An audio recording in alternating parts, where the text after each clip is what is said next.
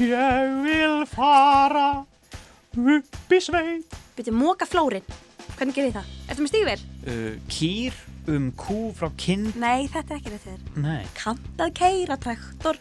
Já, það kann ég. Réttu mér orfið og ljáinn. Það er svo margt sem það er að gera hérna. Getur við hjálpast það? Þú bindur upp baka og ég horfi á. Ingi Björg, það ætla nú að senda þig í sveit, sko. Deo, Deo! Deo.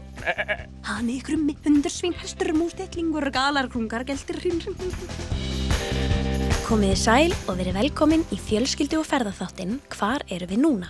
Í þessum þáttum förum við yfir holt og hæðir, fræðumst um náttúruperlur með aðstöð ungra sérfræðinga og heimamanna, ferðumst fótgangandi, klifrandi, siglandi með veiðustöng, sofum í tjaldi og upplifum landið á ólíkan hátt. Á leiðinni stýttum við okkur stundir með fyndnum, skemmtilegum og skrítnum fróðleiksmúlum, förum í bílaleiki, hlustum á þjóðsögur og endum á æsispennandi spurningakeppni fyrir alla fjölskylduna. Ég heiti Ingi Björg. Og ég heiti Jóhannes. Jói, hvar erum við núna? Uh, við erum rétt fyrir utan bæinn Skarð sem er á vestfjörðum, nánatildekið á Skarðströnd í Dölunum. Já, þetta var bara frekar nákvæmt hjá þér. Takk. Eigum við að banka upp á og sjá hvort við getum fengið að tala við einhvern á bænum? Já, það væri skemmtilegt. Já, ég er nú svo langsamur að vera 28. ætluður af sömu ætt sem hefur setið skarð. Ólst þar upp, fættur hérna í Skrýbó, hérna í Reykjavík, en fluttist vestum með fóröldur mínum að þessum fæði minn er frá skarði og tók við búinu þar 1970, þannig ég er 5 ára gammal þegar ég kem heim. Sama ættin hefur setið í jörðina frá Húmbóða Þorgils. Uh, við tegjum okkur alveg til Germundar Heljaskins, landlagsmanns og uh, þar reyndar vantar inn í eitt legg til þess að við getum sagt að við séum ykkur ákveðin ætluðu frá honum. En það er talið frá Húmbóða Þorgils sem var bróðir Ara Fróða. Og uh, við eigum þá merku sögu á skarði að, að, að Óluf Ríka Lofsdóttir og Björn Þólisson Hyrstjóri bygg á skarði.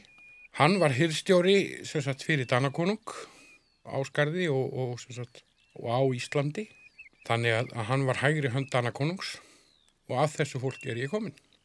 Ég heit Karen og ég er dóttir hans Hilmas frá Skarði og, og þetta er hún Hrefna Dís, dóttir mín. Hvað er það helsta sem að gert er á skarði á vorin og sömrin? Á vorin er það æðarfuglin og æðardúnni því að undir skarði til er að 63 eigar með grasi og á mínum uppeldisárum þá var náttúrulega gríðarlega áhersla lögð á það að, að, að leita í jarnar æðardún og fara í, í sellátur á vorin og þetta var góð tekjulind og, og hlunindi Þetta er á þeim tímum sem að fólk, krakkar úr Reykjavík voru sendir og, og reynda að gera mönnum úr þeim með því að kenna þeim að vinna og fara í sveit. Það komu margi krakkar og, og, marg, og bara yfirleitt, yfir höfum bara mjög góði krakkar og þeir komu ár eftir ár. Þau fengu það verkefni við litla vorin. Það var að náttúrulega að sækja beljunar út í hega og hérna og skila þeim aftur á kvöldi þangað og svo var að gefa heimalingum eða eða kálfum? Já, heiskapurinn, hann náttúrulega aðal sportið á sömurinn, fá að keira traktor, maður fekk það fyrst 13 ára, manni fannst maður vera voða fullorðin þá sko. En hvernig fer svona dúmtaka fram? Þegar maður týnir æðadún þá þarf maður að setja henni í póka. Fyrst þarf maður að leita að reyðrunum hjá æðakallunum. Svo þarf að reynsa fyrir að týna. Hvað sé það? Þá þarf maður að týna fjæðirinnar úr dúninum. Ef maður fyrir sæng þá þarf að þvó hann upp úr sérstöku efni og þurka hann upp á nýtt og, og flokka hann niður og, og vikta í sæng. Íslenskur æðadún er einn sennilegin elsta og ríkasta og dýrasta náttúruvar í heimi. Og íslenskur æðadún hann hefur þann eiginleika að viðhalda þjertleika og, og viðlóðun. Þetta er mjög vandmefarin afurð og dætur mínar allar hafa fengið að kenna á því að þurfa að, að, að vera búir að reynsa eðun að, að fá að, plokka fjæriðnar úr sem að við landa ná ekki og, og, og, og flokkan. Það er svona þumalputtaregla 65-70 reyður í eitt reynd kíló af æðatún þannig að það þarf talsett magn. Íkjumögg, sjáðu. Ég er í dúnulpu. Allir dútnin sé hérna. Það er aldrei að vita. En þetta var ótrúlega áhugast. Mm -hmm. Ég menn það er ekkit allir bændur sem eru með kindur að kýr. Það er þetta að gera miklu meira. Já. Sumir bændur eru með kindur og kýr og hesta og hænur. Svo eru líka aðrir sem að rækta grænmeti, gúrkur og tómata. Já. Við erum með æðadún, dæmis. Einmitt. Einhver aðra framlýslu. Höldum áfram að skoða. Bökkum upp á einhverjum öðrum bæ. Herðu, mér sýnist þér að stelpa henni fyrir utan. Þennan bótabæ. Ef að kikja henni. Ég heiti Þóralla og er heima í Reykjavík. Amma mín og afi eiga heima á sveitabæ sem heitir Bakki. Þau eru aðalega með kýr en þau eru líka með hund, hesta, kísu, hænur og einn hana. Á sumrin fara öll barnabörnin hjá ömmu og afa í sveitina og gera ímisli sveitastörf því að það er svo mikið sem þarf að gera og amma og afi þykja gjarnan hjálp. Það þarf til dæmis að mjólka kýrnar, binda fyrir rúllur, sækja kýrnar út á tún, móka flórin, gefa kálfunum pela, gefa kúnum hei, ná í ekkin, taka til inn í húsinu og passa yngri krakkana. Allar kýrnar eru með nafn sem að eigandin fær að velja sjálfur. Ég á tvær kýr og eitt naut. Kýrnar mínar heita Smiðja og Hvítasuna og nauti mitt heiti Svampur. Hans Svampur er á nautastöðinni en það er ekki mörg naut sem komast þanga. Hvítasuna sem ég nefndi hér áðan heitir það út af því að hún fættist á Hvítasunu. Sumir í fjölskyldinu eru með þema yfir kúanöfnin sín, til dæmis starfræði þema, fiska þema og blóma þema. Í fjósinu er kýr sem heitir Sulta. Þegar þetta gerðist var hún aðeins 14 mána. Þá voru allir kálvarnir úti á túni þegar Sulta festist í skurði. Afi tók múl og setti á hausin á henni og reyndi að tósa hann upp úr skurðinum en múlinn slitnaði. Þá hugsaði afið hvað á ég að prófa núna. Hann tók reypi og batt í kringum hana og batt við traktorinn og kerði áfram og náði henn upp úr. Hún sulta gata ekki staðið upp í þrjá daga en svo jafnaði hún sig. Hundurinn á bakka heitir Panda og hún er blendingshundur. Hún elskar að fara í fótbolta og ef maður minnist á orðið fjöruferð verður hún mjög spennt. Panda laumast stundum ein niður í fjöru og veiðir sér fisk. Hún veiðir aldrei fisk þegar einhver er hjá henni. Amma mín var að fá sér gróðurhús í gardin. Hún er að rækta þar tómata, jarðaber, kál og margt fleira. Við í fjölskyldunni megum koma með fræ og rækta þar ef að við viljum. Ég er að rækta gullrætur. Það er ekki ennþá komið upp. En tómatafræið sem að ég let eru komin upp sem litla plöntur og ég býð spennt að vita hvort það verði komið eitthvað upp hjá gullrótunum næst þegar ég fer upp á bakka. Eitt það erfiðast í sveitinni er að fara heim því að það er búið að vera svo gaman þar. Vissir þú að það er til sér íslenskt kyn hunda sem hefur verið jafn lengi og mennirnir á Íslandi frá landnámsöld? Þeir búa margir á sveitabæjum, taka stundum geltandi á móti gestum og eru sér þjálfærið því að smala kindum en það geta þeir hlaupið mjög lengi. Það er íslenski fjárhundurinn. Já, já, svoleiðis. Hann heitir Tumi. Hæ, ég heiti Baldur og ég er tíara og þegar ég fyrir sveit þá fer ég til ömmu minna afa í Lundaríkjadal sem er í Borgafirði og bærin heitir Múlakott. Þegar maður á sveit það þarf að móka skít út úr útihúsum og bera túnin, svo þarf að bera áburða túnin, stundu þarf að plæja túnin og sá til að gera þau ný. Svo þarf að vaka yfir rótlunum alla daga þegar það er sauðburu ef það skildi þurfa hjálpa að bera. Svo þegar lömpin koma þarf að sprauta þau án eru sett út með mömmu sínum. Svo þarf að marka þau líka til að þekkja þau ef þau fara af jörðinni sem bóndin á eða þegar þau fara fjall og er smala á haustin í réttunum. Í réttunum þarf að flokka rollunar og lömpin í dilka sem bændunir eigi eftir mörkunum sem þau eru með. Ef sveitir eru með hesta þarf að temja þá til að geta farið á bak, til dæmis að smala rollunum. Mér fannst það ótrúlega gaman og að fara hestbak og að fara ríðandi heim úr réttunum með rollunar. Á vetunar þarf að gefa hestunum rúlur sem eru úti og ekki inn í hestúsinu. Svo á vorin þarf að fylgjast með meirinn sem eiga vona fólöldum. Segð okkur einhverja skemmtilega sögur sveitinni. Það kemur fjárflugnabíl á hverju ári til að sækja kindunar til að fara með upp á fjall afrétt. Nefna hvað að mín kind sem ég er búin að eiga síðan var tveggjára er ekki trífin af því að vera annar staðar en heimi á sér.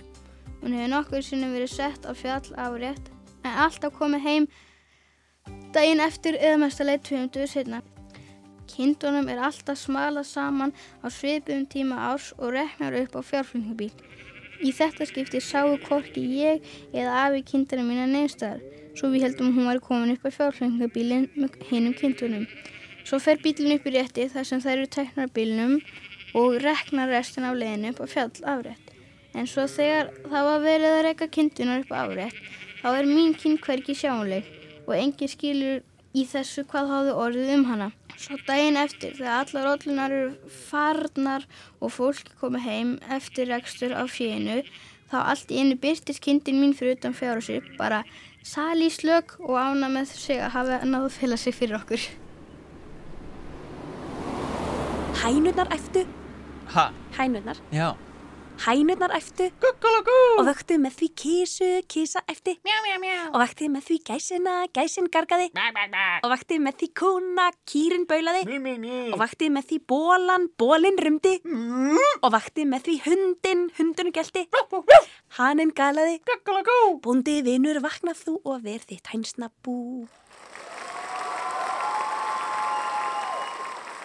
Vissið þú að í gamla daga, áður en slátturvélar og traktorar komið til sögunar, voru túnslegin með handabli, bara með höndunum. Þá var notast við verkfæri sem kallast orf og ljár. Það er langt prigg með handföngum og endanum er beitt blað, svolítið eins og langur hnífur sem sker grasið. Svo þurft að sapna öllu grasinu saman með hrífu.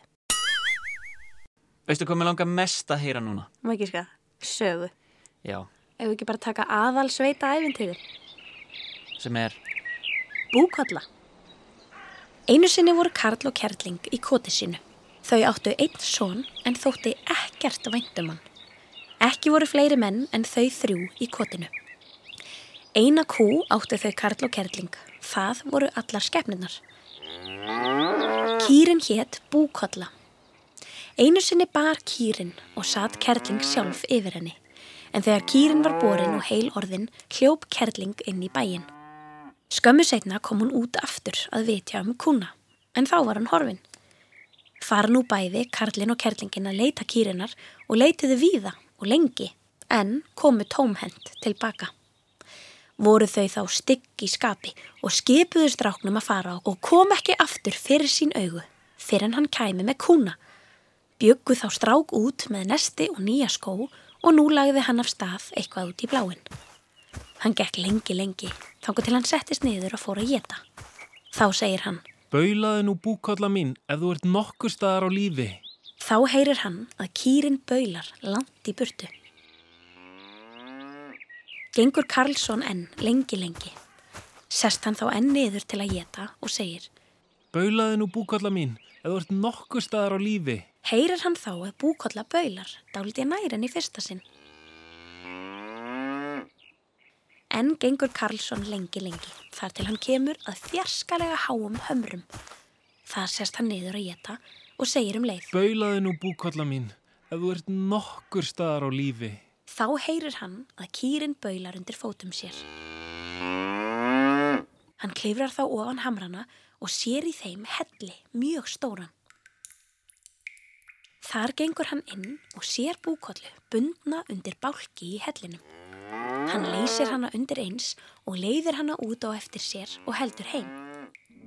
Þegar hann er komin nokkuð á veg, sér hann hvar kemur ógnar stór tröllskessa á eftir sér og önnur minni með henni. Hann sér að stóra skessan er svo stór stíg að hún muni undir eins ná sér. Þá segir hann, Hvað eigum við nú að gera búkolla mín? hún segir, Taktu hár úr hala mínum og lögðu það á jörðina. hann gerir það. Þá segir kýrin við hárið. Legg ég á og mæli um að þú verðir að svo stóru fljóti að ekki komist yfir nema fugglin fljúandi.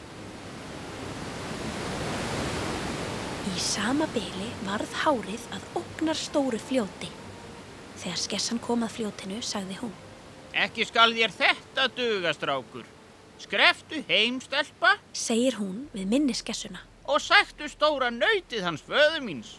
Stelpan fer og kemur með ógnar stórt nöyt. Nautið drakk undir eins upp allt fljótið. Þá sér Karlsson að skessan muni þegar ná sér því hún var svo stór stíg. Þá segir hann. Hvað er við nú að gera búkalla mín? Taktu hár úr hala mínum og legðu á jörðina. Hann gerir það. Þá segir búkolla við hárið.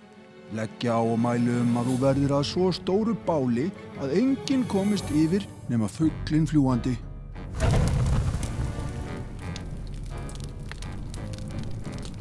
Og undir eins varð hárið að báli. Þegar skessan kom að bálinu segir hún. Ekki skal þér þetta duga, strákur. Farðu sektu stóra nautið hans föðu mín, stelpa. Segir hún við minniskessuna. Hún fer og kemur með nautið. En nautið meig þá öllu vatninu sem það drakk úr fljótinu og slökti bálið.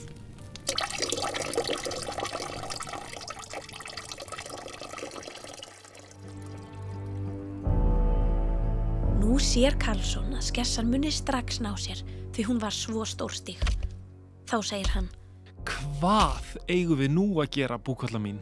Taktu hár úr hala mínum og legðu það á jörðina. síðan segir hún við hárið. Legg ég á og mælu um að þú verðir að svo stóru fjalli að enginn komist yfir nema fugglinn fljúandi. Varð þá hárið að svo háu fjalli að Karlsson sá ekki nema upp í heiðan heiminn. Þegar skessan kemur að fjallinu segir hún. Ekki skal þér þetta duga, strákur. Sektu stóra borjátnið hans föðu mín, stelpa. Segir hún við minniskessuna. Stelpan fer og kemur með borjátnið. Borar þá skessan gat á fjallið en varð of bráð á sér þegar hún sá í gegn og tróð sér inn í gatið. En það var of þröngt, svo hún stóð þar föst og varð loks að steini í gatinu. Og þar er hún enn. En Karlsson komst heim með búkollu sína og urðu Karl og Kerling því ósköp fegin.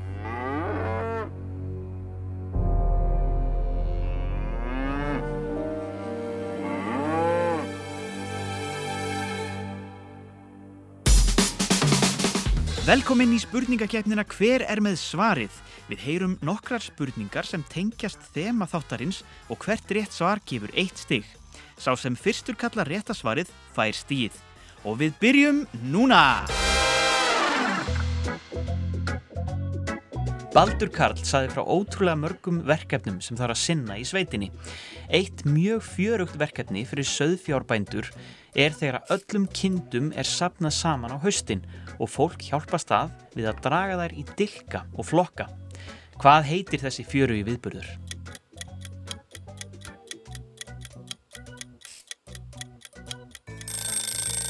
Réttir.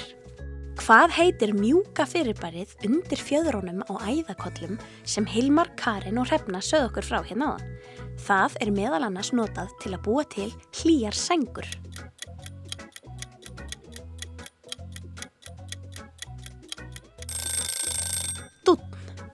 Heiskapur er mikilvægur fyrir mjög marga bændur, þá sláðir túnin og sapna grasinu saman. Áður en sleið var með sláttuvélum og traktorum, hvað hétt verkfærið sem notað var með handabli til að slá og heitir eiginlega tveimur nöfnum?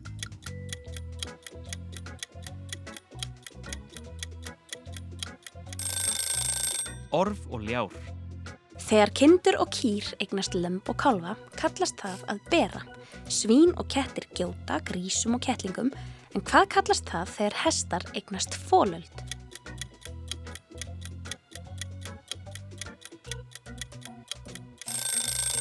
Að kasta. Hvað heita afkvæmi svína?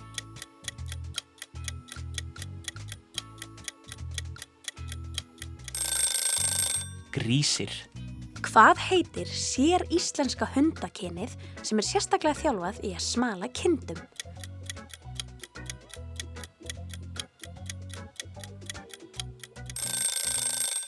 Íslenskur fjárhundur.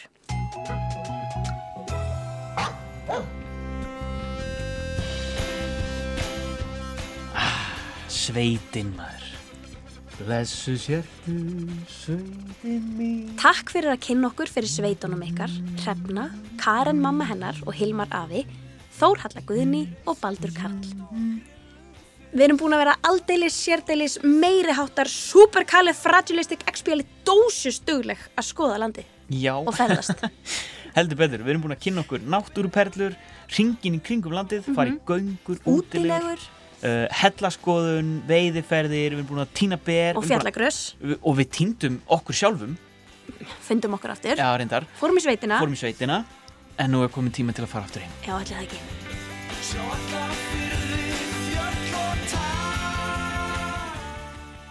Ef þið vilja hlusta á annan þátt, eða bara alla þættina af hvar erum við núna, Það eru 22 þættir. tvær þáttaræðir, aðgengilegar inn á krakkarúf.is, í appinu og öllum helstu hlaðarpsveitum. Heyrðu, á leiðinni heim, eitt bílaleg. Ég hugsa með dýr og þú mátt spyrja tíu já eða nei spurninga til að komast að svarinu. Ég tilbúin. Býrð á Íslandi. Já, Er það með fjórufætur? nei, Er það með fell? uh, nei, Er það með fjæðrir? já, Er það fugg?